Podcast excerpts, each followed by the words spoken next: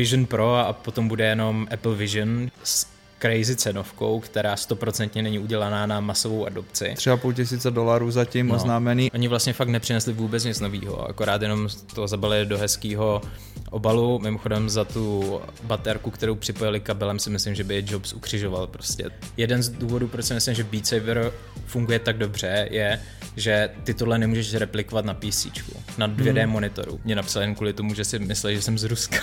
je pro mě až neuvěřitelné, jak vlastně se strašně podceňuje důležitost trailerů, protože ten trailer nebo ta upoutávka, to je jediná věc mezi tebou a tou hrou. Jen ten chat GPT s pluginama, který ty už tam můžeš dělat, je prostě už nezastavitelný. Už tuhle chvíli je to jako nezastavitelný. A jestli tohle nepomůže naburcovat komentáře, tak už nevím.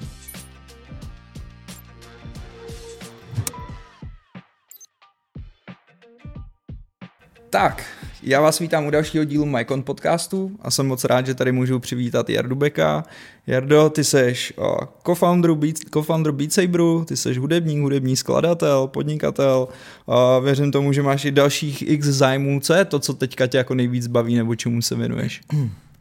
No tak vlastně já jsem z Beat Saberu odešel tak myslím dva týdny zpátky, mm-hmm. takže teď eh, se nějak snažím uh, dát do klidu a vlastně uh, uh, věnovat se trošku rodiny, protože mm-hmm. to mhm. vlastně předtím bylo téměř nemožný. Ale do toho začínám rozjíždět další projekty, takže uh, snažím se projít takovým jako klidovým stavem a, a vlastně rozdechat se k tomu, co přijde potom. No. OK, než se dostanu jako k Beat Saberu a k aktuálnímu stavu, protože tam mám určitě sérii dotazů, tak když se vrátíme ještě kousek zpátky, uh, jak se stalo to, že se u tebe setkali dva světy a jeden je podle mě hudba a druhý jako technologie slash VR, nebo kam to sahá. Je mi jasný, že to je asi dotaz, který už jsi slyšel xkrát, ale pro rychlej recap ne třeba všichni lidi, co na to budou koukat, jako by mají přesně zažitou tu tvoji story.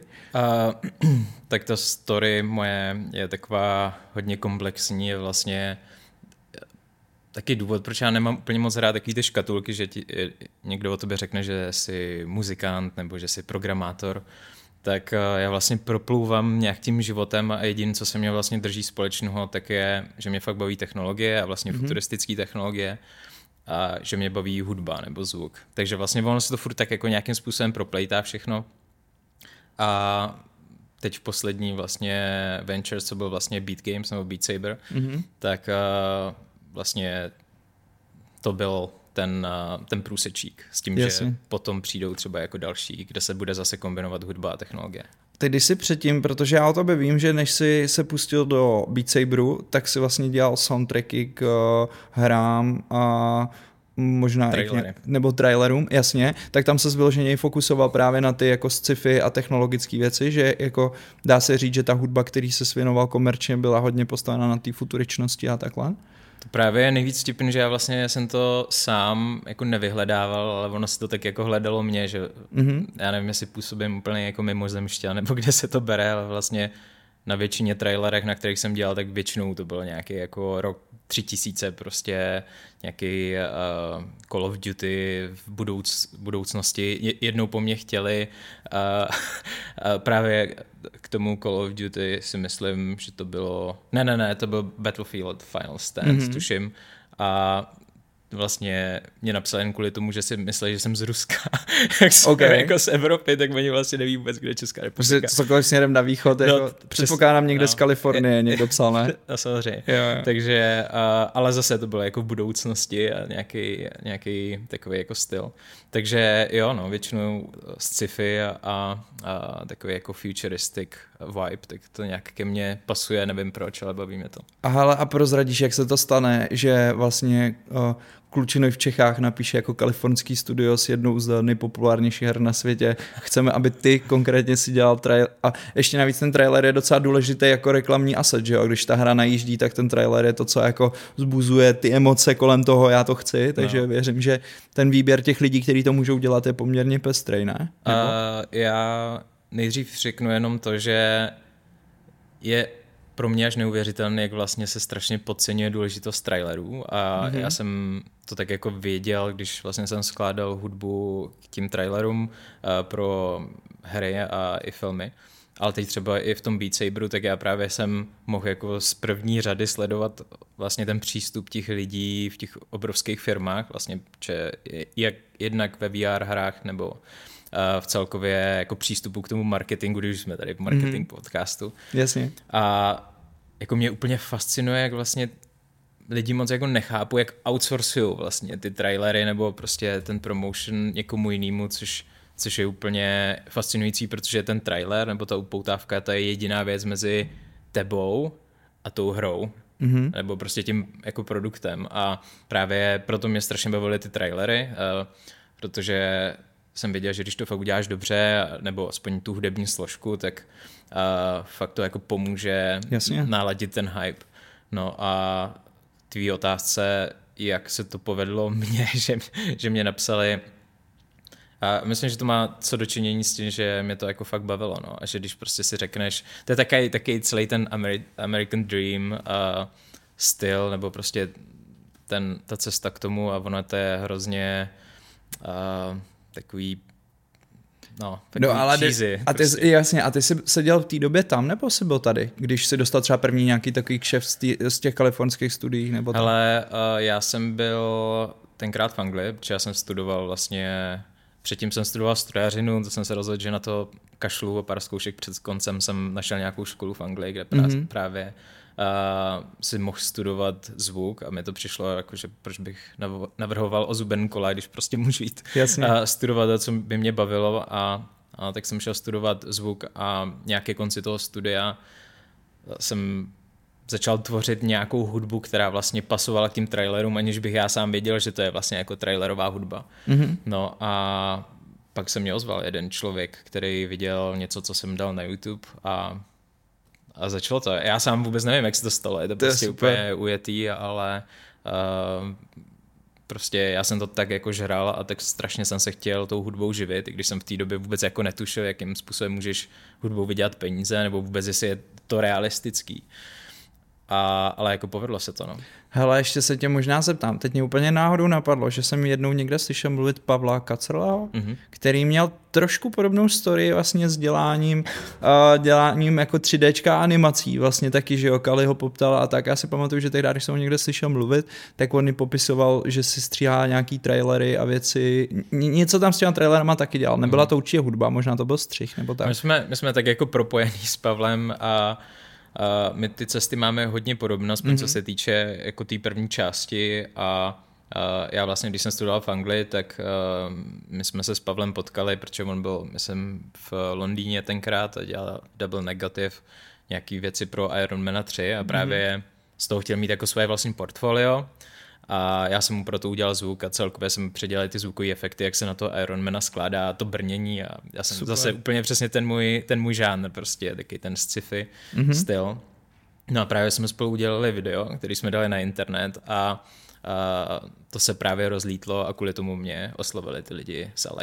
Aha, takže tak, jste to dělali spolu, jakoby. No. A právě největší bizar na tom je ten, že uh, ty lidi si myslí, že to je jako oficiální reel na ten Iron Man 3. Když to, to bylo vlastně okay. jako Pavlovo demo reel, ale fakt jsme se to snažili udělat prostě pořádně, aby to bylo cool. Okay. A, a najednou mě se uh, ozval Charles Deanan, který vlastně v LA dělá většinu hudby do těch největších trailerů. A vy jste v té době ještě ani jeden nevěděli, že ty trailery jsou jako ka- kategorie sama o sobě, nebo už jste tak nějak tak jako, tušili, že... Jako jasně, že znáš trailer, nebo jsi si v kině, tak vidíš tu upoutávku, co jasně, je před tím jasně. filmem, takže jako víš, že prostě něco takového existuje, ale jako já nevím, kolik lidí si teď jako představí, že vlastně zatím jsou fakt jako reální lidi, kteří tam tvoří tu hudbu pro tu mm-hmm. opoutávku, nebo kdo vyloženě se specializují na ten střih pro ty trailery, protože mm-hmm. většinou si řekneš, no to tak nějak jako zbastlili, když dodělali film, tak to tam tak vybrali jako nějaký scény, přesně, jo, jo, jo. což je úplně přesný opak, jako jo. dělá se to takhle v Česku jo. a to je úplně průser je prostě a pak to vidíš, jak to vypadá v těch kinech, zní to šíleně prostě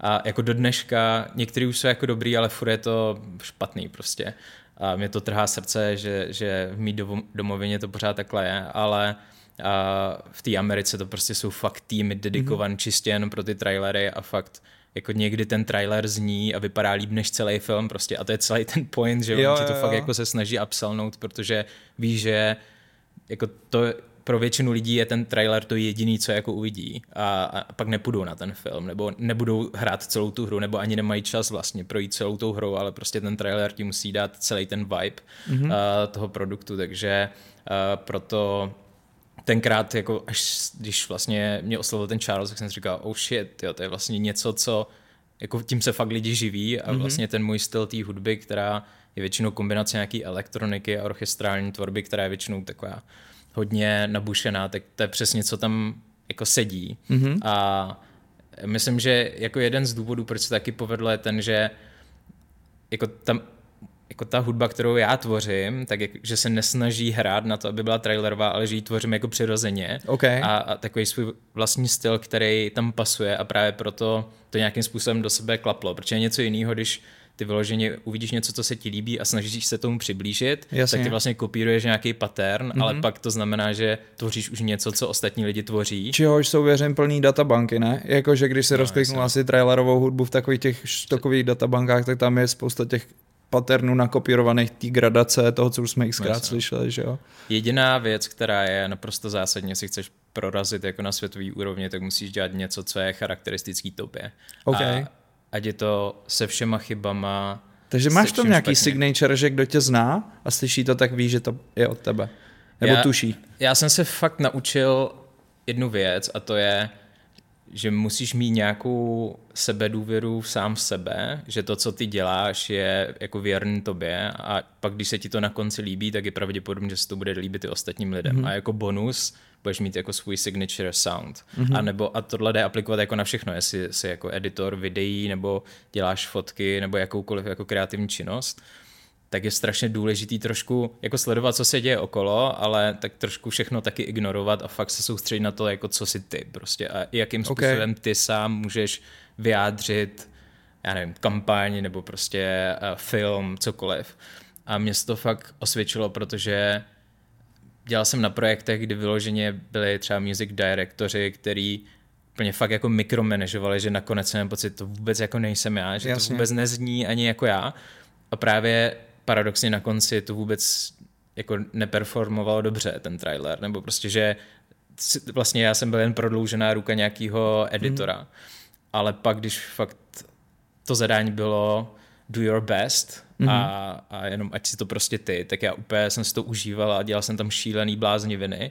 Z toho pak oni mi řekli, jako tohle už je asi too much, ale pak uh, najednou to pak začalo fungovat, protože ty tomu přineseš taky ten svůj speciální spark a všichni tohle z toho hledají, že jo? Prostě Jasně. většinou i influenceri nebo jako lidi, kteří jsou nějakým způsobem inspirativní, tak jsou v něčem fakt divný prostě, jakože je, je to... Jako distinktivní, je, jako že se oddělíš od toho jako mainstreamového balastu. Tak. Rozumím. A jenom na tobě prostě, aby ty si našel to svoje, co je jako v čem ty jsi speciální. Hele, pro lidi, co u tohle normálně nesedějí, mě jako hnedka napadá otázka, ty když to jdeš dělat, tak jako by dostaneš ten vstup už tu videostopu a na ní pasuješ, nebo někdy dostaneš třeba jenom tu ideu, ty přijdeš třeba ze zvukou stopu a oni to na to stříhají, protože to je takový problém slepice nebo vejce, no, jako no, no. stříhají na hudbu nebo hudba se dělá. Ale tohle je, on to má různý uh, fáze, jakým způsobem to funguje.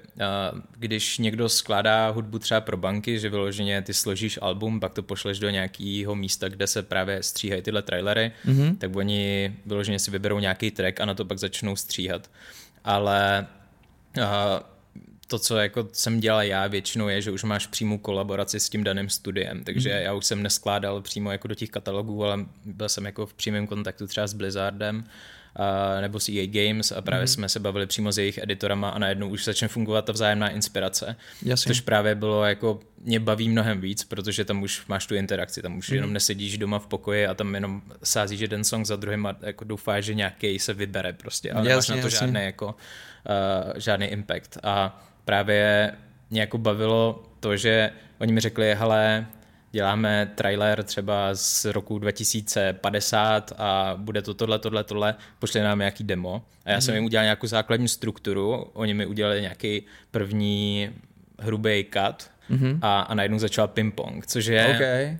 což je jako na jednu stranu fakt hrozný, protože ty vlastně děláš 50 verzí a začne to být už otravný, protože tam změní jeden cut a ty pak musíš změnit celý timing v songu a je to jako šílen. Jasně. Ale na druhou stranu je to fakt jakože úplně se dostaneš do takový jako flow s tím editorem a začnete tvořit fakt Tu něco věc cool, dohromady. prostě. Jasně. A já si myslím, že tyhle ty trailery pak většinou dopadnou mnohem líp, než když jenom tam vezmeš nějaký hudbu z banky, co se ti líbí a tam to na to nasekáš a nazdar. Mm-hmm. To pak jako můžeš udělat trailer za dva dny prostě. Hlavně je podle mě těžký tam z té hudby, protože my třeba děláme, že jo, i komerční videa, ne jako hmm. trailery a hrozně poznám, když je to skladaný na míru versus když je to uh, pasovaný z té databanky, protože většinou té databance, a to jsi ty tady popsal, chybí to koření, protože ona to dělá vlastně jako naslepo, ten No instrument. právě ty tam potřebuješ mít ten jako, nějaký special element. Jo? Mhm. A většinou jako já neříkám, že všechny banky jsou špatné, občas tam najdeš fakt jako nějaký jam, nějaký track, který je fakt jako super má něco speciálního. Nebo má special zvuk nějaký. Jasně, a můžeš toho udělat skvělou věc, jo, Jo. Úplně, úplně jednoznačně, ale já právě měl vždycky radši, když máš tu přímou kolaboraci s tím člověkem na druhé straně a pak Mhm. mm-hmm. prostě vždycky pak si řeknete, ty vytvoříme něco úplně jako crazy, nebo něco, co ještě jako nebylo a, Jasně. a, a najednou už začne přesně ta flow a, a to mi na tom bavilo nejvíc. To je super. Jenom mě napadá pro diváky, co byly teda takový ty jako největší pecky, na kterých jsi špišnej. Jmenoval se tady EA Games, Call of Duty, uh, Battlefield. Ale A- já jsem hodně dělal s Blizzardem a je těžký říct, na co jsem byl nejvíc pišnej, protože a, jako furt nemám pocit, že bych vytvořil něco, na co bych byl vyloženě pišnej. OK. A, ale, Stay humble. ale jako takový milník pro mě byl určitě Star Wars Mhm. mm-hmm. trailer a, a nejvíc mě asi bavil uh, StarCraft Legacy of the Void od Blizzardu a právě to bylo pětiminutový, to už jako šlo do takového filmového formátu, že už mm-hmm. to nebyl prostě jako minutový trailer nebo dvouminutový, ale to mělo už, to už byly jako cinematiky delší, to mělo přes pět minut, za to jsme vyhráli, myslím, v LA taky nějakou cenu, ale uh, pak mě taky bavili hodně Overwatch věci, OK. takže uh, ale to už byla jako přímá kolaborace s tím Blizzardem, takže to bylo, um, jo, to bylo cool. No. Pendluješ kvůli tomu jako pra, um, Čechy, Amerika, nebo jak ty to vlastně máš? Nebo je to všechno dneska už tak jako v pohodě digitální, že jsi schopný s ním jet kolaboraci odkudkoliv? Hele, tenkrát, já už teď trailery nedělám, tím jak jsem začal dělat Beat Saber, Jasně, tak jasně. vlastně jsem se začal fokusovat čistě na to, ale uh, tenkrát jak jsem lítal po celém světě, ale právě já jsem se snažil z toho Londýnu, kde jsem byl, a teda z Oxfordu, pak jsem letěl do Londýnu, do Londýna a, a pak jsem se vrátil na chvilku zpátky do Prahy, tak jako už jsem začal pracovat na těchto věcech a pro mě takový jako goal byl dostat se do Ameriky. Mhm. A, Jako chtěl jsi vyloženě do Kali být v tom centru dění? No, protože tam se dělá všechno, že jo? Jo, Celý jo, jako jo. entertainment je prostě tam a hlavně To je no. já, když jsem byl poprvé v Americe, a to tuším, mi bylo nějak kolem 24, to jsem právě končil to studium v Oxfordu, tak eh, mě pozvali Riot Games, který dělají League of Legends, Mhm. mm-hmm. na pohovor na sound designera. A, Super. a to bylo jakože úplně... Přímo do jejich wow. centrály No. prostě, do Riot Games. právě do LA a to pak jako řeknu ještě, jak se to dovyvinulo na konci, úplně mindfuck. Ale vlastně já jsem tam byl a já si pamatuju ten moment, když jsem přijel do LA poprvé a úplně jako jsem vystoupil z toho letadla, a nasál jsem ten kalifornský vzduch a najednou se ti to dostane nějak do DNA a, a ty víš, že jsi doma prostě. A já na ten, jo. ten pocit nikdy nezapomenu. O to víc, že je to bizár, že já se cítím doma i v České republice, Mhm. mm. ale v Americe to je prostě jako úplně jiný. Ve Mhm. smyslu, že i pak, jak jsem se tam bavil s těma lidma z toho Riotu, nebo s lidma, kteří dělali zvuk jako já, tak jako, jako že jsme fakt klikli, že, ne, Mhm. mm. že to myšlení prostě, všechno to jak začalo fungovat, takže já od té doby už jsem to měl v hlavě, že já se tam prostě musím dostat a už to musím minimálně, co se týče kariéry, tak jakože tam musím prostě pracovat. No. To je super. By the way, ten feeling, jak si pop, popsal, já jsem ho zažil v 19 taky, já jsem žil chvíli na Stanfordu Mhm. a vlastně jako ten, hlavně spíš ten feeling toho, jak všichni jsou jako zapálení pro tu věc a hrozně o tom jako mluví, mluví o tom nahlas a vzájemně se jako inspiruje, inspirujete a pušujete. V té době jsem tady nezažil, teď už naštěstí taky to můžeš zažít úplně v pohodě No, tady, ale takže jako ně- podobný nějaký vibe si pamatuju, že jsem zažil taky a vlastně jsem se blbě směřoval s tím, když jsem se pak vrátil sem a hledal jsem to v sobě tady, takže úplně chápu. Hele, mě tam na tom nejvíc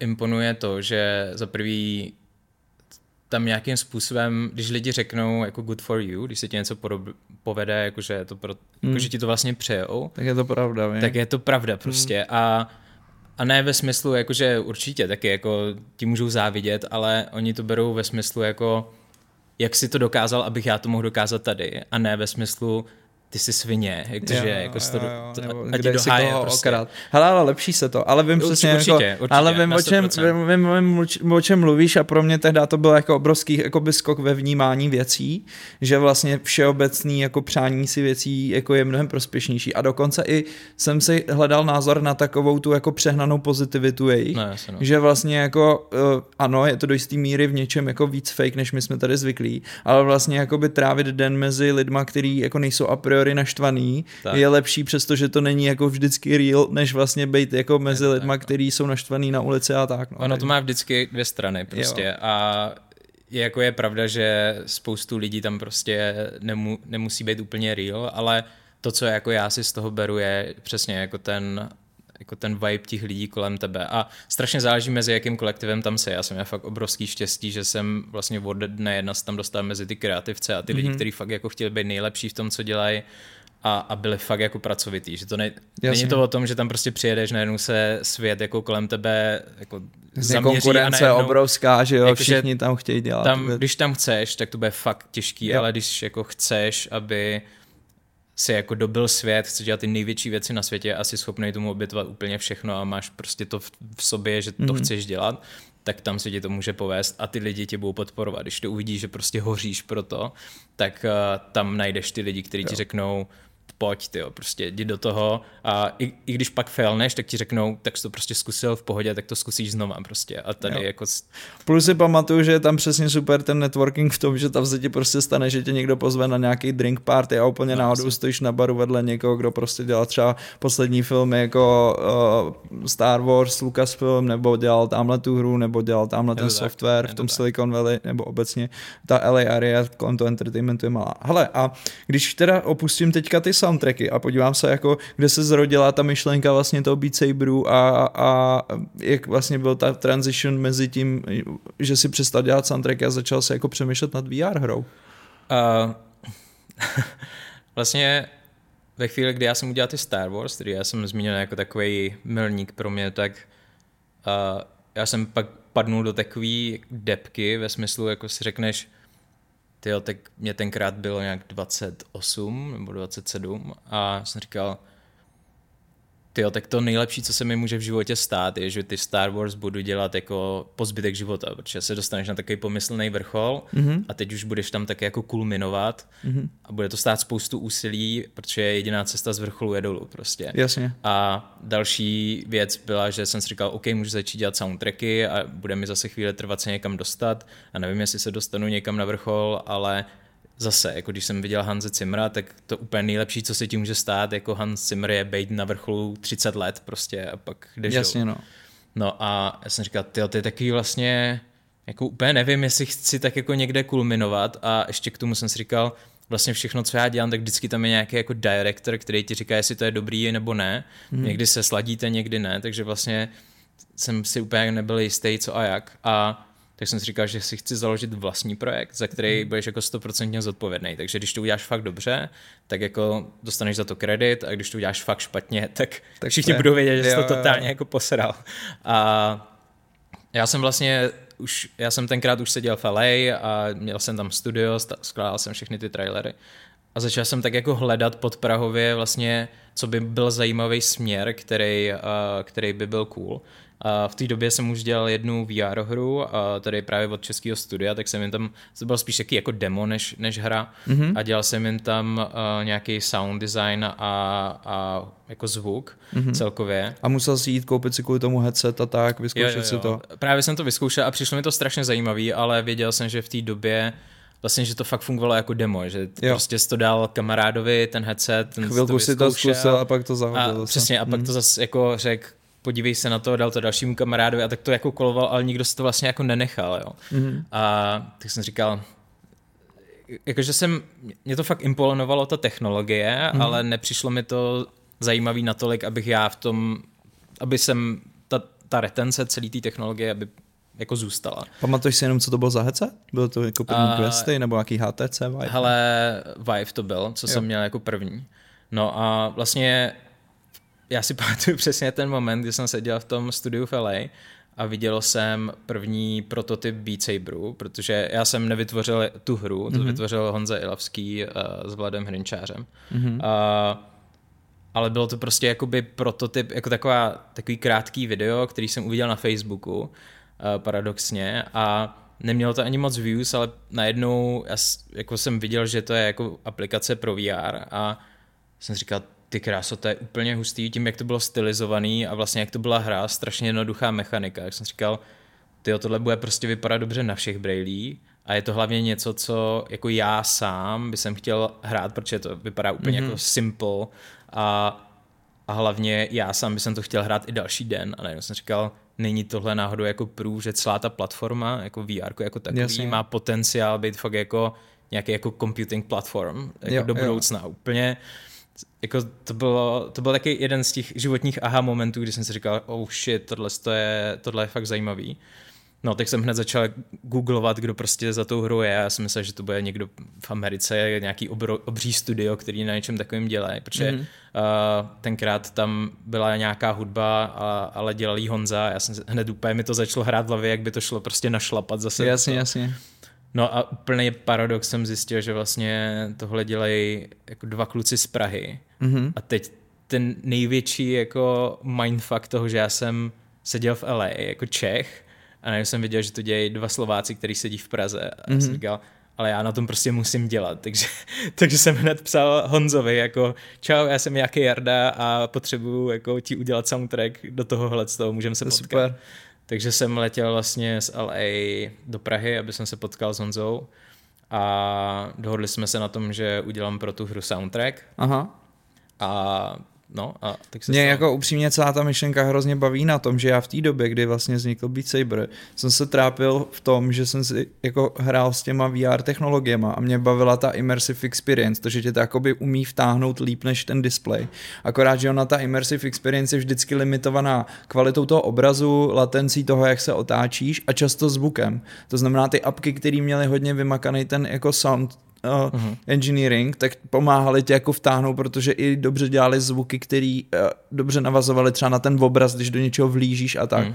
Jenomže tohle mělo hrozných limitů a vlastně tě to bavilo chvíli kvůli té experience, jak si popsal. Ale ten Beat Saber, když jsem to vlastně poprvé viděl, tak jsem si říkal, to splňuje všechny potřeby toho, aby to právě jako fungovalo. Protože to není a priori postavený na té vizualitě. To není jako o detailech, jako vykreslování, je to prostě o nějakém jako tmavém prostředí. Vlastně to využívá ty silné strany stránky toho VR headsetu a ty slabý upozadňuje, protože je to v černém prostředí a tak. Hudba je tam využívaná pro tu interakci, pro tu akčnost, pro tu gamifikaci. Ne proto, že ti to jako nutně simuluje, že se cítíš být jako součástí no, nějakých no. světů a prostředí a tak. Plus to mělo i ten social aspekt, že to je ta věc, co tě prostě baví hrát jako na akci, že přijdeš prostě na kalbu jako a tam to leží někde a prostě se tam porovnáváte, kdo zandá větší skóre, což prostě my lidi vždycky tu soutěživost máme v sobě.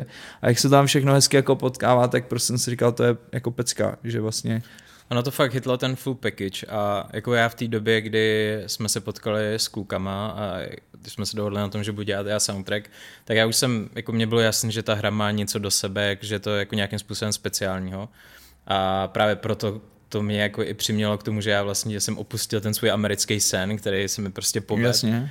A přesvědčil, ještě si pamatuju, jak jsem klukům z LA psal, hele, musíme založit prostě spolu firmu a mm. uděláme to prostě jako pořádně, už jen aby jsme si rozdělili nějak tu firmu a potom vlastně i jakým, když Honza udělal první jako trailer, nebo prostě jen nějakou ukázku, to nebyl ani trailer, a s hudbou, kterou já už jsem mu poslal, tak to mm. se rozlítlo virálně jak blázen, že to prostě do sebe celý nějak kliklo a mě bylo jasné, že jsme fakt hitli něco totálně mm. speciálního. A vlastně to nám i pomohlo k tomu, že kluci tu hru nechtěli vydat, dokud nebude fakt hotová, protože Honza a Vlado jsou fakt úplně... Perfekcionalisti. Perfekcionalisti a hlavně Honza je podle mě já neznám lepšího game designera. Okay. A, takže on je fakt jako skvělý. Mm-hmm. A věděl jsem, že on to prostě chce dostat úplně do dokonalosti, ale právě zase tam byl ten moment, když momentum, máš tu momentum, jasně, tak to musíš chytit. Jo, jo. A Startupový musíme, mindset jo, prostě. Musíme jako... to tam prostě, musíme jo, to tam narvat. A to tak jsme se domluvili, že to vydáme v Early Accessu a vydalo se to... Co byla ta první platforma? Normálně jako Windows a HTC Vive? Asi jo, uh, nevím, to my jsme to vydali na Steamu, což uh, okay. prostě herní. Jako no, no, no, na herním storu, na Steamu a, a myslím, že no, a na Oculusu. Tam jsme je, to takže vydali. už na začátku jste byli na Oculus Ready. Jo, jo a to byl uh, ten Rift, myslím. Jo, Nebo jo, Rift jo, jo, že máš jo. ještě normálně s tím kabelem. Je možný, že to bylo ještě v době, kdy Oculus nebyl koupený metou, jako, nebo už to bylo mm, tak, že ne, byl, už byl, už byl, byl koupený. No, no, no. A tohle to je, že jo, plus minus rok 2018. Tohle bylo, jo, tohle byl rok 2018. Já jsem začal dělat na Beat Saberu 2017 a v květnu 2018 jsme to vydali, 1. května. Mm-hmm. A vlastně i hned, jak jsme to vydali, tak to prostě vystřelilo. Vystřelilo šíleně, ty prodeje byly jako bláznivý. A, a já prostě... Zbalili jste se, jeli jste všichni tři někam do Vegas na, na, na nějakého hotelového apartma a tam prokalili celý večer, nebo nejste ta, ta partička jako startupová, že... Hele... Oslavili jste to nějak? Nebo jste jeli už verze 2, verze 3, pojďme rychle. Hele, já bych strašně chtěl někdy z tohohle to nějak jako zaznamenat, napsat nějakou knížku nebo něco, protože to bylo tak nádherně bizarní celé to story, mm-hmm. že my jsme nic neslavili, ještě si pamatuju, že Vladovi jsem kupoval kyblík v KFC asi v jednu ráno, protože ten ani nechtěl si nic kupovat, že je to moc drahý, prostě už po tom, co jsme prodali jako miliony kopií nebo co. Úplně jako bizarní věci, ale jako tak krásně, Hezky. že většinou když zakládáš startup a, a povede si tě, začneš jako prodávat, vyděláváš velký peníze, tak jako z mý zkušenosti, protože já teď investuju do spoustu startupů, tak vidím, jak ty foundery to začíná jako, sm, jako semelet. To, protože to po, ty, po, tý, po těch letech dřiny, kdy fakt jako jedeš na krev prostě a najednou dostaneš ten první jako tučný šek, když se to povede, mm-hmm. tak jako bohužel jsem fakt potkal už pár lidí, kteří to nedali. Prostě jako, že začali jet z kokain a všechno a, jo, a jo. konec prostě. Jo. A, ale my, my jsme taky nerdi prostě, nebo jakože a hlavně srdcaři, že jako my, já mám pocit, že celý ten úspěch šel úplně mimo nás, jako, mm. že jsme fakt jako tak byli zažran do toho produktu a chtěli jsme udělat tak nejlíp, mm. že a každý podle mě i z jiného důvodu, že Honza fakt se soustředil na tu, nebo furt soustředí na tu game mechaniku a, mm. a nic jiného vlastně nezajímá, což no, je úplně to nejlepší, co se může stát prostě. Jo, a, a Vlado mu s tím pomáhá a mě zajímá ten zvuk, ale zase já jsem v sobě v té době objevil, že vlastně mě dost zajímá i ten biznis jako takový, vlastně ta firma. Mm-hmm. a proto já jsem vlastně v té době byl CEO a snažil jsem se to fakt jako tlačit prostě celý ten celou tu firmu jako takovou, aby jsme to prostě, aby to jsme mohli na, To jsme hned nahrál tady na ten další dotaz totiž, jako je, protože 2018, vy jste to odpálili, teď to vystřelilo, ukázalo to, že to prodává jako blázen, ale 2019 jste to, nebo část toho prodali Metě, jestli to mám dobře. To znamená,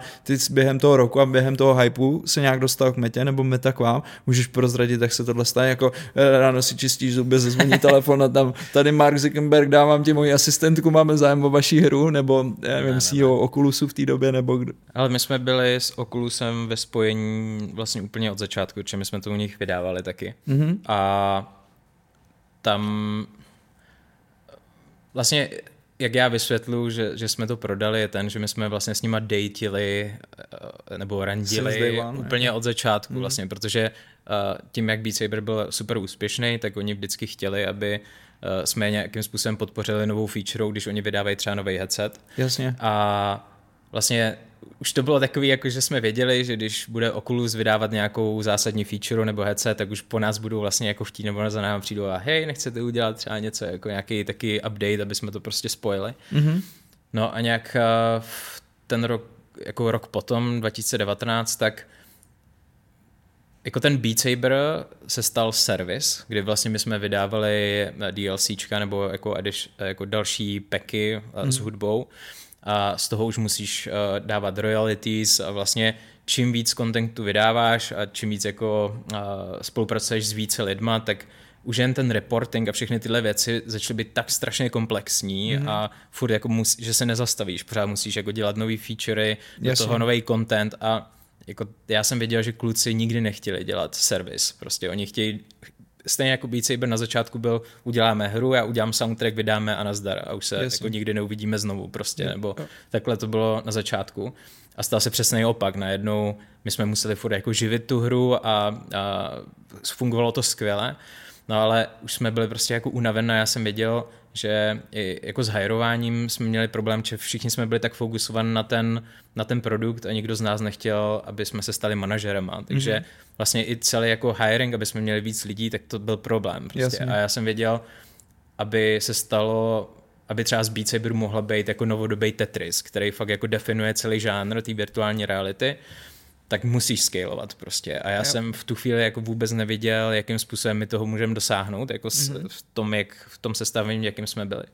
Tak právě jsme měli jeden call s Oculusem, kde nám zase jako nabídli nějaký něco za to, že podpoříme jejich release, eh, myslím Questu to bylo, nebo co, něco takového. Mm-hmm.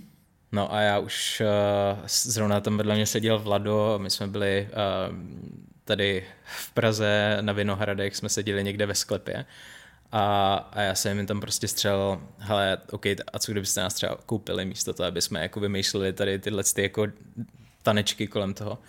No a a úplně jako ticho a, a já už jsem věděl, jako, že, že asi, že asi to, to nezní jako ne. Jasně. Takže uh, to začalo. Tam byl ten loading na těma hlavama, no, jo? ale jakože loading s takovýhle očima prostě. To já jsem říkal, OK, OK. No a úplně si pamatuju, jak Vlado na mě se tak podíval, že jsem se úplně zbláznil a pak jako se zamyslel vlastně jako... Vlastně, že jo. Že, že možná to není úplně blbý nápad. Je ten kámen tahat na těch ramenů. Protože fakt jako pro mě bylo strašně důležitý, aby ta hra byla úspěšná i po té mm-hmm. akvizici, že to nebylo jen o tom, aby jsme dostali nějaký check a, a, a nazdar a čau, prostě. Jasně. Jako... Vy jste minimálně všude zmiňovali, že pokračujete v tom jako independent vývoji odsud, že prostě neděláte žádný jako radikální jako změny v tomhle směru, ale že prostě my jsme měli v tomhle tom velkou výhodu tím, že jsme byli fakt první studio, který Meta koupila, mm-hmm. nebo Oculus, nebo Facebook, nebo jasně, Meta. Jasně. A, a to nám dalo fakt uh, speciální pozici i tím, že prostě do dneška Beat Saber furt jako prodeje rostou a je to fakt zásadní jako revenue zdroj. Podle mě to i z části opravdu definuje tu kategorii, to, co jsi tady řekl, že vlastně jako kdokoliv si představí jakýkoliv VR gaming, tak Beat Saber je takový ten jako mainstream, na který si každý někde mohl šáhnout, ať už na eventech, na akcích, no, jakože opravdu jste prokopli jakoby tenhle ten směr a vlastně bych řekl, že i to, kolik jako uh, jiných her se snažilo vás kopírovat, replikovat je důkazem toho, že jste tam prorazili ten svůj zářez. Jako. Ale to, kolik nás her kopírovalo, to bych si v životě nepředstavil. My jsme byli uh, na nějakých jednáních v Číně. Mm-hmm to bylo jako neuvěřitelné. A jsem zjistil, že vlastně, když máš i když vlastně jsme měli nějaký uh, jako trademarky a všechny tyhle ty věci, tak třeba uh, právě v té Číně, když jsme byli, tak tam nic takového jako neexistuje. Tam prostě se ti zeptají, a máš ten trademark jako v Číně? Ne, no, tak neexistuje prostě. tak tamhle gulak. ne, ne, ne. ne Ale jakože uh, to, tohle bylo taky jako zaj, zajímavá etapa a, a ty stories s tímhle s tím byly fakt neuvěřitelné. No. Mm-hmm.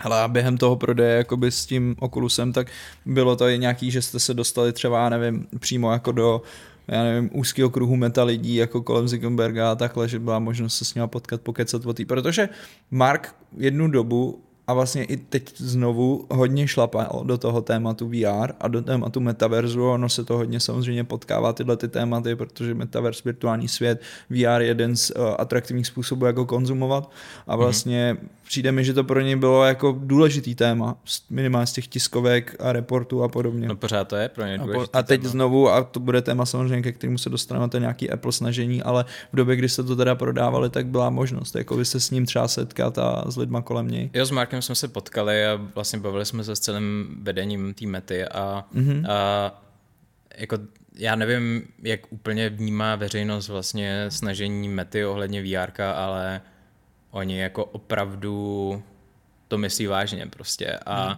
to je taky důvod, proč já jsem byl nebo měl jsem jistotu, že jsem se zeptal, jestli nás chtějí koupit, protože v té době, kdy my jsme to jako řešili nějaký ten 2019 nebo konec 2019, každá firma, my jsme už byli vydan i na Sony, ale já jsem měl pocit, že jak Steam nebo Valve, tak Sony tak dělají VR, ale berou to tak jako, tak že... půl plynu, jo, jo. No, jako mají maj store, vydělává to spoustu peněz, ale je to takový, eh, něco jo, tam vydáme jo, jo. A, a cool.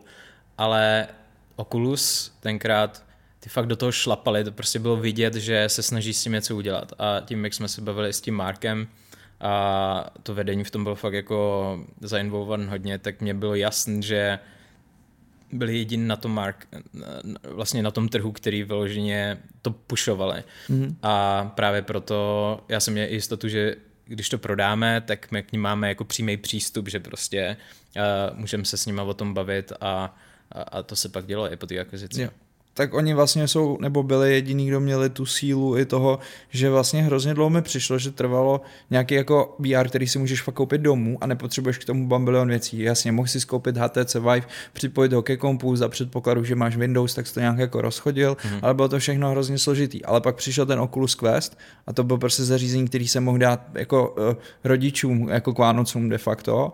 Vlastně mělo to svůj vlastní jako uh, operační systém, bylo to všechno jako vlastně už ready na takovou tu širší adaptaci, no, což no. Tuhle cestu prostě oni jako bez pochyby prokopali. Plus jako vnímám to tak, že mm, ten Mark a obecně ten jako meta leadership cítí, že ta jako další stanice těch jako sociálních sítí je jako v tom virtuálním světě v nějaký podobě. Ale eh, na 100%. Právě důvod, proč tak velká firma jako Meta a utrácí tolik peněz, vlastně, aby budovali nějaký metaverse. Jako nikdo neví, jakým způsobem to bude vypadat. Nikdo neví, jak bude metaverse vypadat, jestli, jako jestli náhodou my už tam dávno nejsme, akorát to nevypadá tak, jak uh, meta jako představuje, jak to bude vypadat. Mm-hmm. S každou takovouhle jako inovací nebo přechodem, tak ty si to snažíš vyvíjet za pochodu a prostě nikdy nevíš, co se z toho stane. Stejně tak, jako když vzniknul internet uh, nebo jako počítače jako takový, tak ty lidi, kteří to udělali, nikdy nemysleli na to, co se může stát za 20 let nebo prostě Jasně. za 10 let. A to samé je s virtuální realitou nebo rozšířenou realitou. Prostě udělá se nějaký jako základní kámen nebo prostě mm-hmm. nějaký základní koncept, který se začne hned vyvíjet a to, jakým způsobem se bude vyvíjet, nezáleží na té firmě nebo na těch lidech, kteří to vymysleli, ale záleží jako na celém světu. Prostě bude jeden developer, okay. který udělá něco, co je úplně jako jednoduchýho, nebo někdo udělá další Beat Saber, ale akorát v jiném konceptu a, a najednou celá industrie se začne sunout tím touhle mm. stranou. Takže... A vnímáš to teda jako by možná, protože on vlastně to vykopl, vykopl koncept Metaverse, eh, přejmenoval Facebook jako uh, dceřinou spo, nebo tu hlavní mateřskou společnost teda na Metu, čímž dal jasný signál, že tomuhle tomu jako věří, ale vlastně pak byl boom, ten boom potom poslední jako rok, rok a půl vnímám, že šel dolů, byl i trošku jako podle mě zatlačený akcionářema do toho, mm. aby se opřel do toho advertising systému, který to celý živí, no. prošla tam nějaká čistka, on to teď vlastně jako zase jako nakopl, a teď vlastně přišel jako launch nového produktu od Apple, vlastně uh, Apple Vision, že jo, brýle a teď jsme v tomhle stavu. Když se jenom vrátím ještě k té myšlence, co se řekl, je to tak, že to vnímáš, že ta trajektorie jako furt běží a že ten jako neúspěch je jenom nějaký jako krátký zlomek, mm-hmm. nebo že se to musí jako přeorientovat, ten přístup k té věci? Uh, obě věci zároveň, um, protože v tuhle chvíli meta, nebo aspoň tak, jak ji vnímám já, tak to je vlastně Oni se transformovali do herní společnosti mm-hmm. a tím, jak vlastně koupili několik herních studiích, vlastně ani nevím kolik, možná deset nebo něco takového, mm-hmm. tak uh, oni fakt já to vidím jako takový PlayStation pro virtuální realitu, nebo prostě mm. jako tak PlayStation dělá virtuální realitu, ale víš, co myslím, jako, jo, že vyloženě takové jakoby konzoly, kde budeš mít jako ty hry, s tím, že oni mají určitě featurey na produktivity a všechny tyhle ty věci taky, ale myslím si, že to bude takový primární fokus toho. Okay. A když to, co se stalo u Apple, tak uh, oni jdou přesně tím opačným směrem. Oni mm. vyloženě jdou na uh, ty productivity, jde o to, aby ty si měl vlastně ten headset, tak ti mohl jako replacenout tvůj počítač. Že vlastně jo. tam můžeš fakt dělat jako spoustu věcí, replacenout ti televizi, mohl se zbavit s lidma. iPhone, mimochodem, MacBook, všechno. Přesně. Hmm. A mimochodem tohle jako ten Quest umí taky, jo. Ale hmm. tam to není jenom o tom, a já jsem mimochodem o tom se bavil těsně než jsem odešel, tak já jsem poslal cel, celý metě vlastně takový dopis, jak já by jsem chtěl, aby vypadalo virtuální realita, protože mi fakt jako záleží na tom, aby to bylo uděláno dobře tak eh, to není o tom hardwareu, protože já si myslím, že mimochodem Meta za docela krátkou dobu udělal fakt jako velký progres v tomhle tom, mm-hmm. ale ten software pokulhává, jakože ten mm-hmm. software je to, co vlastně ty v tom hardwareu budeš dělat a důvod, proč si myslím, že Apple má v tomhle tom navrh, je, že oni historicky byli vždycky skvělí v kombinaci hardware a software mm-hmm. a, a umí udělat ten software. Takže v tuhle tu chvíli uh, to fakt vypadá, že Apple crazy cenovkou, která stoprocentně není udělaná na masovou adopci. Třeba půl tisíce dolarů zatím no. oznámený a nikdy moc jako po těch oznámeních nešli dolů, spíš naopak nahoru, takže bych očekával. Oni že... potřebovali setnout nějaký bar, jo. ze kterého případně můžou jít dolů, ale tohle je vyloženě, proto je to pro. Mm-hmm.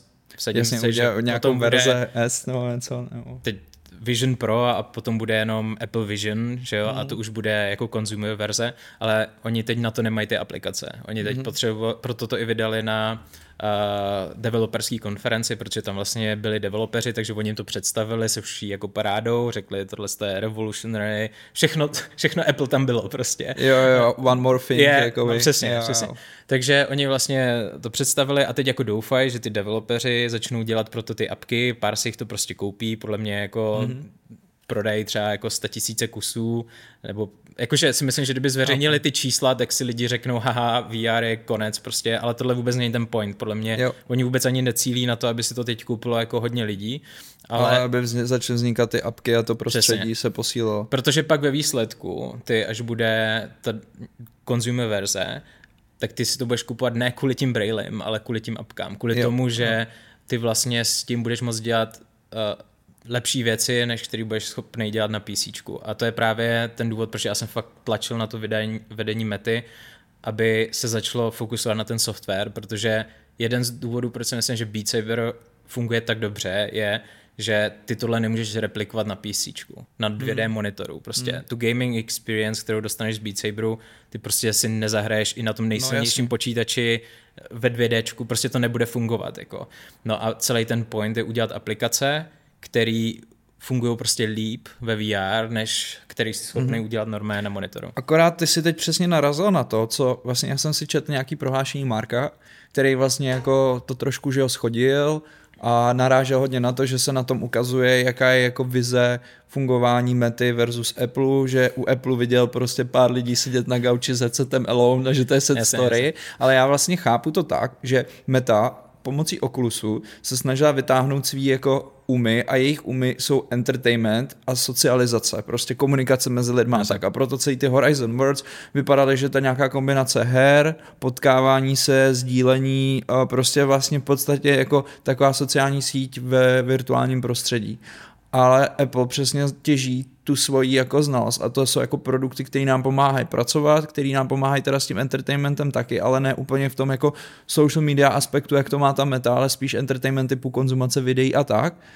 A oni do toho ještě vnesli jako první víc ten aspekt podle mě toho přechodu AR VR, s kterým se ty Určitě. předchozí technologie trošku praly. Nebo respektive já, když mám doma Oculus Quest, nebo tady leží vlastně jeden Oculus Quest, tak on si umí z těch kamerek taky promítnout to prostředí, ale není to dělaný na to jako přecházení z toho prostředí, což oni teďka proklamují, že tohle jako z části už vyřešili. Dokonce ano. se tam točíš kolečkem, že jo, a no, se tapuješ se jako uh, tu, tu imerzi toho. Tak Quest 3 mít přesně to samé, co ten Apple headset, jakože okay. tam to není jako to, co to, co Apple udělal, je, že on zabil do hezkého těla něco, co už jako dávno funguje. Takže I jako my... vždycky vlastně ve finále. Samozřejmě. A i, i mimochodem vlastně ten displej, který máš vepředu, tak mm-hmm. s tím Meta experimentoval taky, to ukazoval na nějakých konferencích, takže oni vlastně fakt nepřinesli vůbec nic nového, akorát jenom to zabili do hezkého obalu. Mimochodem za tu baterku, kterou připojili kabelem, si myslím, že by je Jobs ukřižoval prostě. To, je to by byla přesně šílený. ta věc, kvůli který by nespali jako měsíc před tím tam, aby vyřešili. Jako já chápu, proč to udělali. Jo. Jste to nestihli podle mě vyřešit, podle mě ten headset bude extrémně těžký od toho Apple, okay. takže oni potřebovali to sundat z toho když to kdyby to dali do zádu, tak aspoň ho vybalancujou. Ale, Ale myslím si, že ten headset by byl fakt jako hmm. těžký a bylo by pak jako blbý ho mít na sobě prostě dvě Víc jak hodně, plus jako hmm. dlouho. Jo. Takže jako já chápu, proč to udělali, ale myslím si, že se toho zbaví časem. Jo, Určitě, jo. takže ale Apple prostě neudělal nic nového. Ten, ten Quest prostě bude umět to samý, uh, proto i teď třeba spoustu developerů si koupí Quest Pro, který mm-hmm. je ve směs úplně to samé, co, uh, co ten uh, Vision Pro. Mm-hmm. A právě na tom připravují aplikace s tím, že to pak jako portnou na, na ten... Na ten Apple Store. Ta, ale mě fascinuje, jak si vlastně narazil na to, jak se ten pattern historicky furt opakuje. Oni zase udělají svůj nějaký uzavřený ekosystém, do kterého se těma apkama budeš dostávat jenom na základě jejich pravidel hry no, a zároveň pozbírali věci, které už někde jako existovaly a dali je do jako product tu, který jako je vydesignovaný teda jako úplně do perfektna, že jo, nebo aspoň minimálně v těch prodejních videích a na tom VDCčku. Mně napadá ještě, možná mám dotaz jeden, a to je, jo, z mý zkušenosti, kdykoliv, kdy ty promítáš oči, ať už to je virtuální influencer, nebo se snažíš simulovat nějakou digitální, tak jako výraz očí a tak je trošku jako citlivý na pocit jako creepiness, no, jako, no, víš, a říkám si, že ten Vision funguje tak, že ty tam máš přední display, který vlastně promítá tvůj výraz očí on nepromítá tvůj výraz očí, on jenom promítá avatara a vlastně, protože ty si vytvoříš okay. avatara, to je vlastně digitální verze tebe a jediné, co to snímá, je tvoje mrkání. Takže to není jako reálný záběr na no tvůj ten, jako výřez obličeje. No, jako spoustu lidí si myslí, že ten headset je průhledný, hm, což no. je blbost, to je normálně, že to máš jenom display a za druhý ty vlastně to já nechci teď jako prokesnout něco, co ještě ne, Apple neoznámil, ale budeš mít svého avatara a ten je promítlej na ten, na ten displej a vlastně to bude jenom řídit tvoje mrkání. A úplně s tou souhlasím a myslím si, že je to první verze, takže jako Jasně. chápu, oni tím jenom chtěli ukázat směr, kterým půjdou a nechají to pak jako developerům, ale pro mě jako je to teď creepy, nebo jako, že to hmm. nevypadá ještě tak dobře, ale stejně tak, jako když se podíváš na první iPhone, s tím nešlo dělat vůbec nic. Jo, jo, jo. Takže Jasně, je to krok jedna. Akorát jsem si říkal, že tohle je právě odvážná cesta, chápu ten záměr, oni tam měli dobrý jako psychologický point, že v rámci fungování třeba v práci nebo tak je nepříjemný, že tomu člověku nevidíš do očí, to oni se tím snaží řešit. Já si myslím, že, to, že je to dobrý směr. Jo, ta Určitě, úvaha je jako by správná, no. Akorát furt asi všichni cítíme, že v ideálním světě to je nějaká mezizastávka k brailím, který nebudou obr headset, ale budou umět pracovat s nějakým jako transparentním displejem nebo tak, že jo. Pravděpodobně jo. jo. ale to je samozřejmě hudba budoucnosti budoucnosti. Já narážím ještě na jednu takovou docela nejví představu a to je kdokoliv cokoliv dělal ve VR díl, tak ví, že to jakoby je fakt oprus, to mít na obličeji dlouho a je úplně jedno, co to je za headset, ale když jako v tom trávíš fakt jako víc než hodinu denně, tak prostě krom toho je to fakt cítíš, víš, jako mm-hmm, že mít to na té hlavě. A, a vlastně to je jedna z věcí, kterou jako challengeují teď u tohohle toho headsetu, že třeba jsou tam otázky kolem ergonomie toho headsetu, že o, Oculus si v tomhle musel prochodit jako léta uh, tréninku, odříkání, testování a tak, že jo? Jak ty to vnímáš, jo? Že tam chybí ten třeba třetí stripe, on se tam prejdá nějak jako doplnit, ale... Ten jim moc nepomůže. Uh, vlastně ten největší problém, který budou mít, je ten, že vlastně ten headset není vybalancovaný, takže tím máš jako veškerou váhu vlastně vepředu, tím, mm-hmm. jak tu baterku máš někde na, na provázku, tak že třeba ten Quest, tak tam si můžeš dokoupit nějaký strap, který vyloženě má baterku vzadu, takže to je podle mě jako nejlepší uh, vlastně experience toho headsetu, když to máš vybalancovan, i když mm. jako je to těžší. Otázka je, jako já jsem chlap a, a nevím, jak to má třeba někdo, kdo má jako třeba děti nebo takhle, víš, jakože když neseš těžkou váhu na hlavě, tak to asi pro tebe není úplně dobrý. Mm-hmm. A já v tomhle tom nejsem odborník, každopádně uh, znám lidi, kteří headset používají třeba tři hodiny denně, klidně okay, i díl. Okay. Takže jako určitě to Když přijdou do hospody, tak mají potapický kruhy kolem očí. a, no, tak jako to ti zmizí, ale, ale jo. jasně no. Jakože určitě v tuhle tu chvíli to není úplně jako ideální. Ideální. No já jsem ještě četl studii, která se zabývala, myslím, že to bylo na Stanfordu, uh, vlivem na lidský oko a mm-hmm. dopadem u dětí v dospívání, kde se to oko vyvíjí, když jim vizualizuješ věci na ty displeje v těch headsetech, mm-hmm. že to je mhm. trošku triky. Přestože z druhé strany já jsem velkým zastáncem toho využívat VR ve vzdělávání, protože no, proč jako do dětce kvalit, jako jak fungovali dinosauři, když je můžeš poslat do nějakého prostředí, kde se kolem nich budou procházet. No, Ale jsou tam vždycky tyhle ty protipóly, dokud se ta technologie ne, nedostává a já trošku podezřívám tu technologii, že je pomalá, protože ty limity jsou složitý. Tím, že my máme ve skupině jako v Etnetera Group investice ve firmě VR Generous, která se snaží dělat jako high-end uh, headset pro, já nevím, školy se na tom piloti, používá se to třeba při, uh, já nevím, modelování motorů do auta tak, tak vím, že ten headset stojí prostě klidně půl milionu a je to proto, protože ty do něj potřebuješ narvat strašně jemný display a ten display je velký a těžký. A jako třeba, široký field of view. A, jo, a široký, široký. Takže ten headset celkově je obrovský, vedou z něj tlustý dráty prostě do no, ultravýkonného kompu a ještě navíc jakoby vlastně je drahý, protože prostě celý to jako skonstruovat to.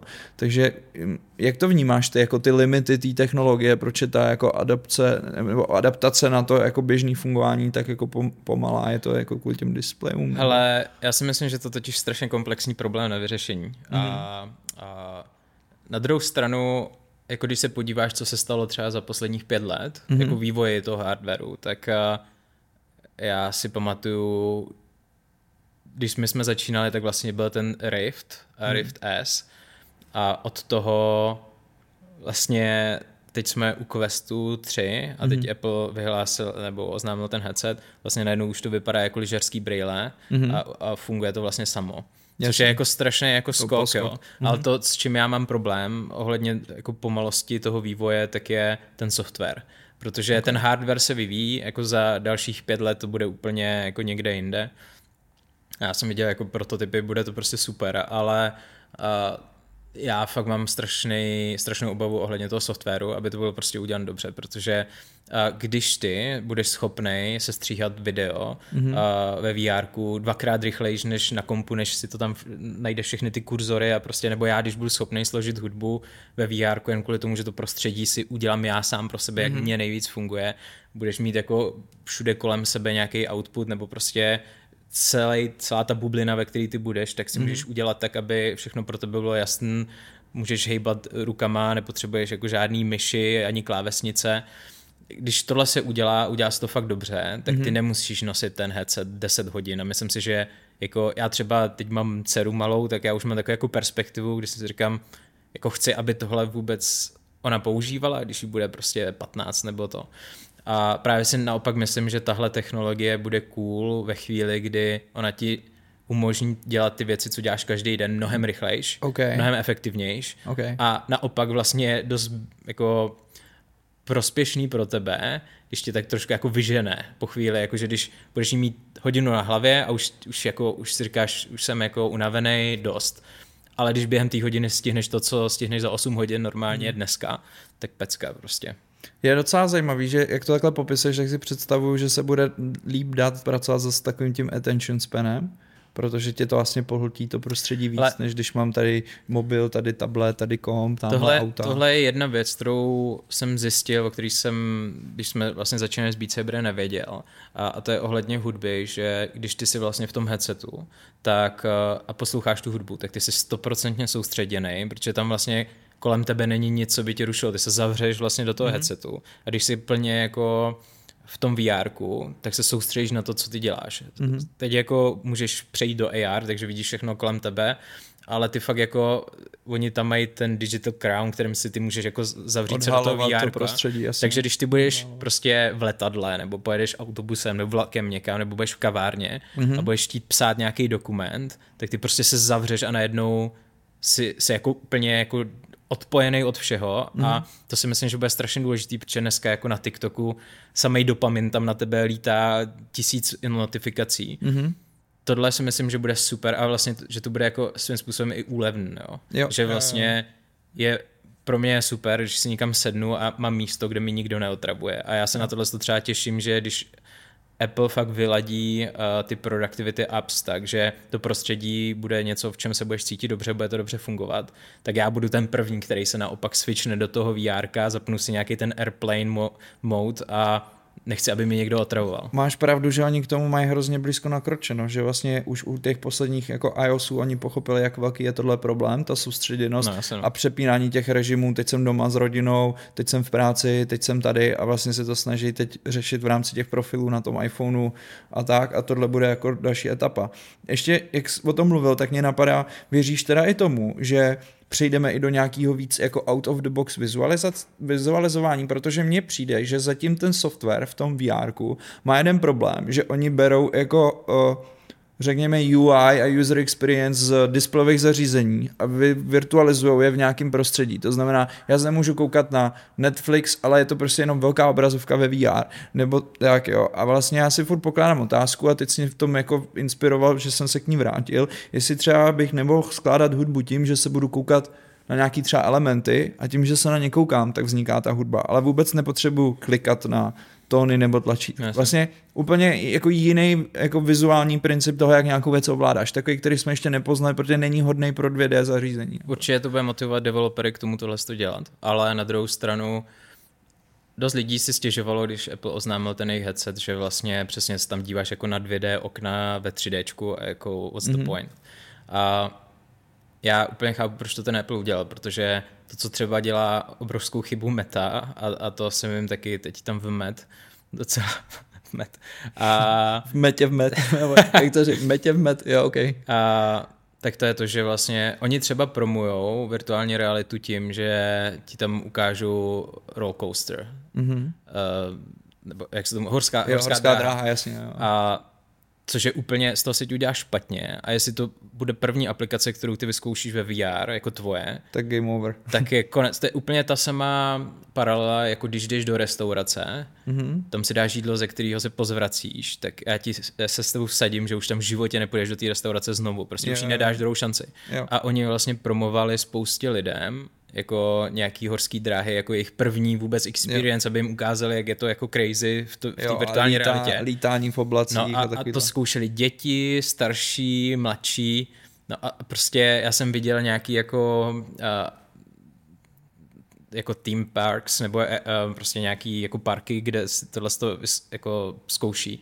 No, tam měli kýbly jako u těch atrakcí, hmm. jo. Já jsem říkal, co to pro boha, koho to mohlo napadnout jako tímhle tím způsobem jako promovat novou technologii, ne?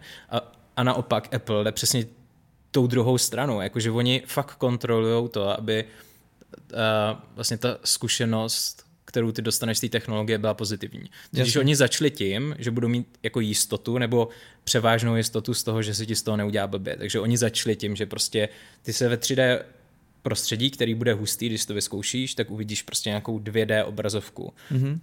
A pak už bude na těch developerech to jako posunout dál, dál, že prostě přesně mm. a pak bude Netflix, který bude všude kolem tebe. To, co se mi líbilo docela na, na, na té Apple Keynote, tak bylo, uh, tam se zdíval na ten americký fotbal mm-hmm. a vidíš tam před sebou sice nějaký jako 2D obraz, který jako není ničím speciální, ale najednou se ti tam ukázalo pod tebou to 3D hřiště, uvidíš tam všechny ty hráče, jak jo, tam běhají a najednou tady máš statistiky, tady máš statistiky a už ti to přidá něco víc, co prostě ten 2D monitor ti jako nedá, nebo nedá ti to jo. tak jako uh, tak zajímavě jako prostě to, to VR.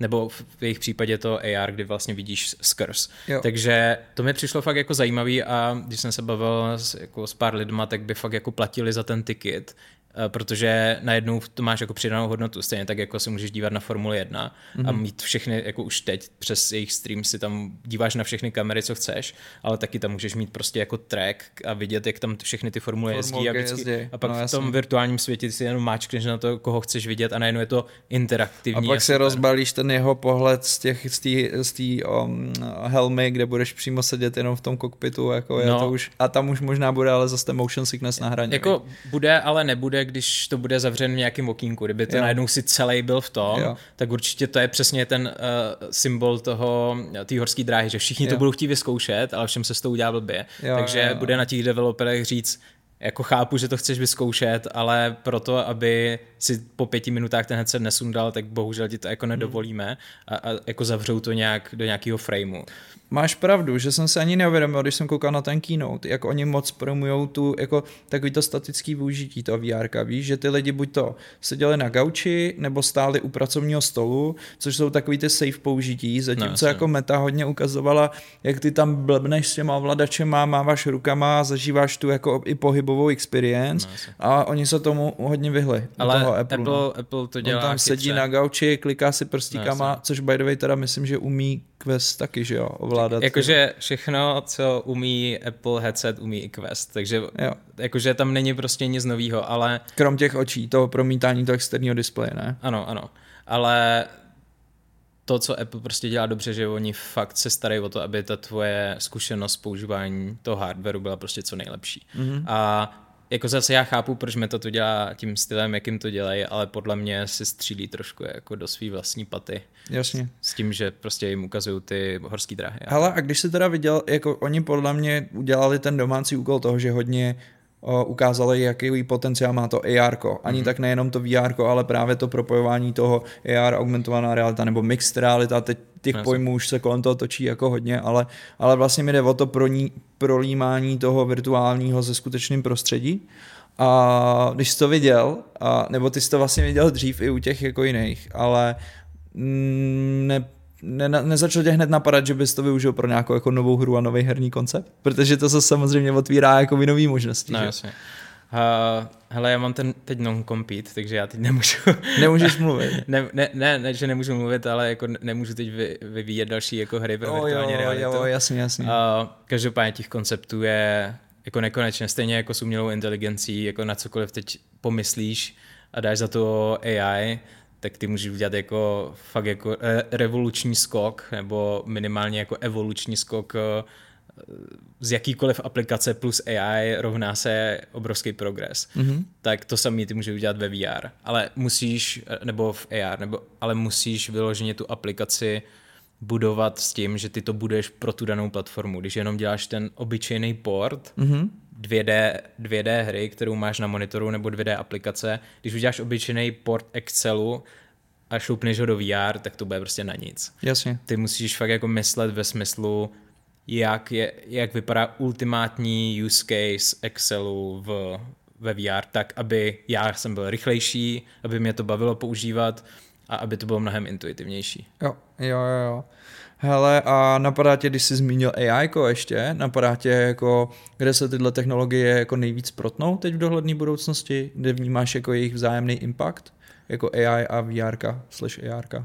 Myslím, že už se protínají, protože spoustu vlastně věcí, třeba i způsoby, jakým používá Quest kontrolery, tak to mm-hmm. je mhm. celý jako AI, že vlastně jako predikuju, jakým způsobem se budeš pohybovat a třeba když dáš jako ruku mimo ten zorný úhel toho headsetu, tak to je vlastně celý jako AI. Dopočítaný, okay. Ale to je čistě jako z technologické uh, sféry. Uh, co se týče kontentu jako takového, tak uh, generovaný content, nebo třeba plně jednoduchý Uh, jednoduchá ukázka je, když budeš mít jako nějaký Photoshop nebo prostě budeš tvořit nějaký, nějaký 3D, tak uh, VR je úplně ultimátní tool pro tohle, protože ty najednou si můžeš vytvořit, já nevím, když budeš tvořit boty, tak řekneš jako hlasem, udělej mi botu, a, aby to vypadalo podobně jako tohle, najednou se ti tomu dělá bota a ty už to vidíš ve 3D, že si s tím začneš otáčet, teď řekni tohle udělej jinak a to. Tohle je podle mě mnohem lepší jako use case, než který dostaneš na 2D obrazovce. Ty jako to na 2D obrazovce uvidíš, ale neuvidíš to ve 3D jako před sebou tu mm. fotku. A podle mě ty ti můžeš jako vytvořit mnohem rychlejší, mnohem kvalitnější věc. A proto já bych třeba to VR nebo AR používal mm-hmm. pro tyhle ty kreativní věci a stoprocentně si myslím, že developeři, kteří dělají ten Apple headset, tak už dávno něco takového mají hotový. Já se upřímně hrozně těším na to, až konečně si budeme hrát víc s perspektivou, protože no, já si vždycky vzpomenu na byl jedno jeden člověk, ten francouzský seriál. to je nejlepší způsob, jak se naučit biologii lidského těla. A vlastně teďka ten limit, proč tyhle koncepty byly třeba pomalu, je, protože je docela drahý vytvořit ten digitální content pro to VR a musíš mít jako docela jasný komerční účel. Ale od té AI, ale Midjourney, tak se slibuju, že ona dokáže poměrně rychle tvořit nějakou verzi digitálního kontentu, takže ve chvíli, kdy se tohle rozvine do toho 3D světa, tak by možná už nemuselo být tak hrozný objevovat něco jako ve 3D, co někdo nutně nemusel vytvářet proto, protože to má ten komerční use case. Jako. Já si myslím, že je velká pravděpodobnost, že ten uh, generovaný content mm-hmm fakt otevře takovou pandořinu skřínku, kterou ty budeš moc dobře využít v tom VR nebo v AR mm-hmm. a, protože to bude nejlepší způsob. Jako, když budeš dělat 3D, tak uh, o to víc. Protože už teď jako ve VR ty můžeš jako navrhovat si design, můžeš si tam navrhovat interiéry, uh, dělat spoustu jako věcí, ale tohle bude prostě uh, na steroidech. No. Jo, jo, jo. Hele, když se takhle o tom bavíme a hodně jako splyneme z technologických do nějakých futuristických pohledů, co jako tebe konkrétně co je ta jako next big thing, na kterou ty se těšíš? Co je to, co vidíš, že je jako relativně na dohled a ty se na to těšíš, protože to vnímáš, že to bude jako extrémně zajímavý game changer. Může to být cokoliv. Myslíš jako pro svět jako takový? Nebo, nebo jako pro i pro tebe, prostě věc, na kterou se jako vyloženě těší, že cítí, že už jako je to blízko a bude to jako, jako celosvětový game changer tady z těch technologických změn a tak. Nebo klidně víc věcí to může být. Uh, no, těch bude hodně, ale asi nejzásadnější je to, co už vlastně jako vzniklo a to je, uh, co představila OpenAI s ChatGPT. Mm-hmm. Uh, a to jako není žádná novinka, ale já si myslím, že oni jsou zároveň hodně daleko, ale asi nejblíž ze, ze všeho, co jsem zatím viděl k AGI.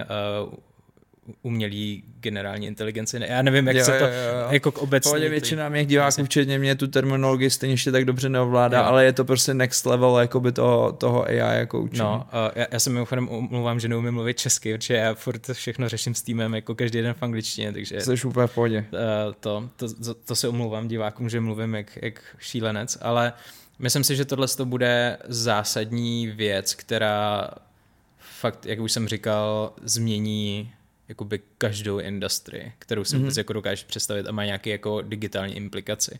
Mhm. Takže uh, tohle bude game changer na 100%. Třeba když to porovnáš s NFTčkama, tak jako u AI já jsem na 99,999% jistý, že to už jako zůstane a, a je to fakt jako legit. U NFTček jsem měl vždycky trošku jako pochybnosti a líbilo se mi třeba u nich uh, uh, to, jakým způsobem ty je můžeš kupovat, nebo jak vlastně funguje blockchain a teda. Ale AI to je prostě jakože Jo, já to, to je já, neodiskutovatelný krok vepředu a já jenom to, to srovnání, tak to jenom říkám ohledně jako nějakých trendů, to je Jo, jako ne, že jo, bych jo, srovnával jo, jo. NFTčka AI, to je úplně jako jiný, jiná oblast, ale jenom čistě, když porovnáš ty trendy, mm-hmm. jak najednou všichni si říkali, o, ty to je ale já si to. tohle by the way myslím o to VR, jakože to VR v té podobě, jak ho známe, taky odejde, protože se vytvoří nějaký jiný zobrazovací mechanismus a možná to pak budou jako ty brýle, možná to pak bude i něco, jako co nám v budoucnu budou jako nasazovat na hlavu, nevím, jako ta geneze toho jako 100%. hardwareu se bude neustále měnit a potřeba přenášet se do virtuálního prostředí tady furt bude. Konečná, konečná stanice VR je Neuralink, co, Jo, co co- buduje Musk. Musk. A Čip v hlavě a prostě zavřeš oči a možná ani nezavřeš a prostě tam budeš. prostě se klikneš a, a budeš tam. A to je ale hrozný mindfuck, ne? Ta představa. Hele, Ale maže to Jako vlastně jo. všechny ty limity, co má právě ten headset, nebo cokoliv, co si dáš na... Ještě navíc každý, kdo se to trošku zajímá o biologii, ti řekne, že zrak není úplně náš jako nejlepší jako smysl z pohledu kvality, rychlosti a jo, všechno tohle. Ale tohle zase přinese věci, o kterých my absolutně nemáme tušení, jako využití, co se týče. Takže teď, když si jako řekneš, tyjo, dát někomu čip do hlavy, to je úplně jako ujetý a, a ví co, prostě konec světa, všechny tyhle věci. A jako jo, ale ty využití, který s tím přijdou, už jenom třeba jako léčení nemocí. Prostě ty tím Mhm. vymažeš Al- Alza- Alzheimer, protože tam prostě vypneš jako věci, které tam neuronový bordel. A to na druhou stranu to má jako negativa, že ty můžeš pak zase jako hackovat někomu mozek a takovéhle Hmm. věci. Takže jako ty, k té dystopické stránce se vždycky můžeš dostat s jakoukoliv technologií. A, a, a to je to samé jako s AI. Prostě já se na to těším. Já jsem jeden z těch lidí, kteří si myslí, jako, že je to super progres. Na druhou stranu se to fakt děsím, protože a úplně chápu, proč uh, lidi jako třeba ten Musk a, a další, proč vlastně proti tomu jdou, protože když to umělá generální inteligence, nebo ta obecná umělá inteligence, nebo prostě inteligence mm-hmm. jako celková, se vymkne kontrole a budou stoprocentně lidi, kteří budou používat a už teď ji používají prostě k jako nekalým praktikám, mm. tak jako legislativa absolutně nemá šanci tomu nějak jako zabránit, protože to už je už teď je tak pozadu, že prostě není šance tomu nějak jako zabránit a uh, že nevím, co jsem se bavil s nějakýma zákonodárcema v Americe, tak ty teprve zjišťují, co to jako umělá inteligence je a to je strašně jako strašidelný vůbec jako vidět, jak je ten rozdíl obrovský. A takže tam já vnímám, že je, jak by řekla Jolanda, velký špatný, Jo, jo. ale a, jako každá technologie přinese ty obě stránky hmm. a je pak jako na nás nebo na lidech, kteří vyloženě chtějí jako něco měnit nebo dělat, dělat věci, je, aby ty dobré věci nebo vlastně ta protekce k tomu, aby nebyly ty špatné věci, byly rychlejší než ty špatné věci. Jo? A, a to nemůžeš spolehat na zákonodárce ani žádnou legislativu, prostě proto všichni teď hastlí. Jako, když Jo. se díváš na Twitter, tam je prostě každý den nějaký nový release, nějaký nový technologie a jen ten chat GPT s pluginama, který ty už tam můžeš dělat, je prostě už nezastavitelný. Už tuhle Jasně. chvíli je to jako nezastavitelný. No a těžko říct, no. Těžko Ale říct, podle mě to řekl jako hezky, je to podle mě ta klíčová myšlenka, co já se snažím kolem se taky šířit lidi, kteří se toho bojí, je, že, že vlastně je to furt jako o nás, jestli prostě převládne naše jako dobrý využití té věci nebo špatný. No, pak samozřejmě jako B té věci je jako co ona sama ještě přinese až nějakým svým jako zvědoměním a všechny tyhle ty scénáře, co známe z těch sci-fi jako příběhů, jako uh, nějaký singularity a tak, ale to ani nemá cenu rozjíždět tohle téma, protože no, tam je. Hele, já to, já jsem takový člověk, který, který ho dost baví přemýšlet o... Já, já se rád dívám na apokalyptické filmy, jo? Mm-hmm. ale ne protože bych byl jaký uh, uchyl a už, ujížděl si v tom, ale je vlastně je, je docela dobrý mít ten mozek furt nastavený, takže se to může stát, mm-hmm. protože si naopak myslím, že je dost nebezpečný vyvíjet jako novodobí technologie a nemít to na paměti, jako že se může Jasně. stát, že jako když nepočítáš, že přiletí mimozemštění, mimozemštění nebo na tebe nalítne meteorit, tak a, a víš o tom, že technologie, nad který třeba pracuješ, může mít nějaký jako negativní impact, tak to vždycky začleníš do toho developmentu, tak jako, že, že, že vždycky jako ten konec checklistu je a je to vlastně jako dobře. Takže... A, a máš nějaký jako backup plan vyloženě? Jsi ten typ člověka, co má jako v garáži, jak se jim říká? Preppers. Jo, preppers, takže yes. máš jako agregátor v garáži a zásoby pitné vody na rok dopředu a takovýhle věci. Hele, uh, ne, tak já teď vlastně celou dobu, co jsme řešili Beat Saber, tak já jsem si, vlastně jsme koupili barák a máme soláry a snažíme se to udělat tak, aby to bylo co nejvíc jako samostatný. Jezdíš elektroautem, jsem koukal, že taky. Tak a máme Starlink, takže vlastně jako jsme to trošku Jsi jako na půl cesty, jo. Jako. Ale, ale to, že bych byl úplně jako hardcore, já jsem se díval na, na YouTube na nějaký jako ty preppers, který to vy, vyhrotili úplně do maxima, to, je jako, to, to ne. Žádný ale, bunker a tak, jo. To ne. Ale právě jsem si říkal, že možná bychom to uh, výhledově uh, s mojí family office asi koupili nějaký třeba uh, nějaký jako nepoužívatelný pole a, a udělali tam jako obří elektrárny, ale třeba v Nevadský poušti a takhle. Mm-hmm. Jakože já si myslím, že je zase blbost dělat elektrárny na úrodný půdě tady prostě v Čechách, no, kde jasně. je to všechno tak jako nakondenzovan, ale to uvidíme, no, uvidíme, jak Stý. to bude. Hele, díky moc těm technologiím, ještě na závěr jsem se chtěl vrátit jenom k tomu k tvýmu konci vlastně jako v pozici jako managing direct, directora Beat Saberu. Ty jsi to vlastně jako oznámil na LinkedInu, kde jsi k tomu napsal jako vlastně fajn vysvětlení, že to je nějakých vlastně už 6 let a že je potřeba se teďka se jako zafokusovat na nějaký nové věci a součástí těch nových věcí si i zmínil, že si založil nebo zakládáš nadaci, a která se jmenuje jako velmi originálně Give back, ale back jako vycházející z tvýho jako příjmení, že jo? Což mi přijde, Aha. že jako cool, cool návaznost. Čemu se jako chceš věnovat v rámci té nadační činnosti, nebo co, co to je za iniciativu?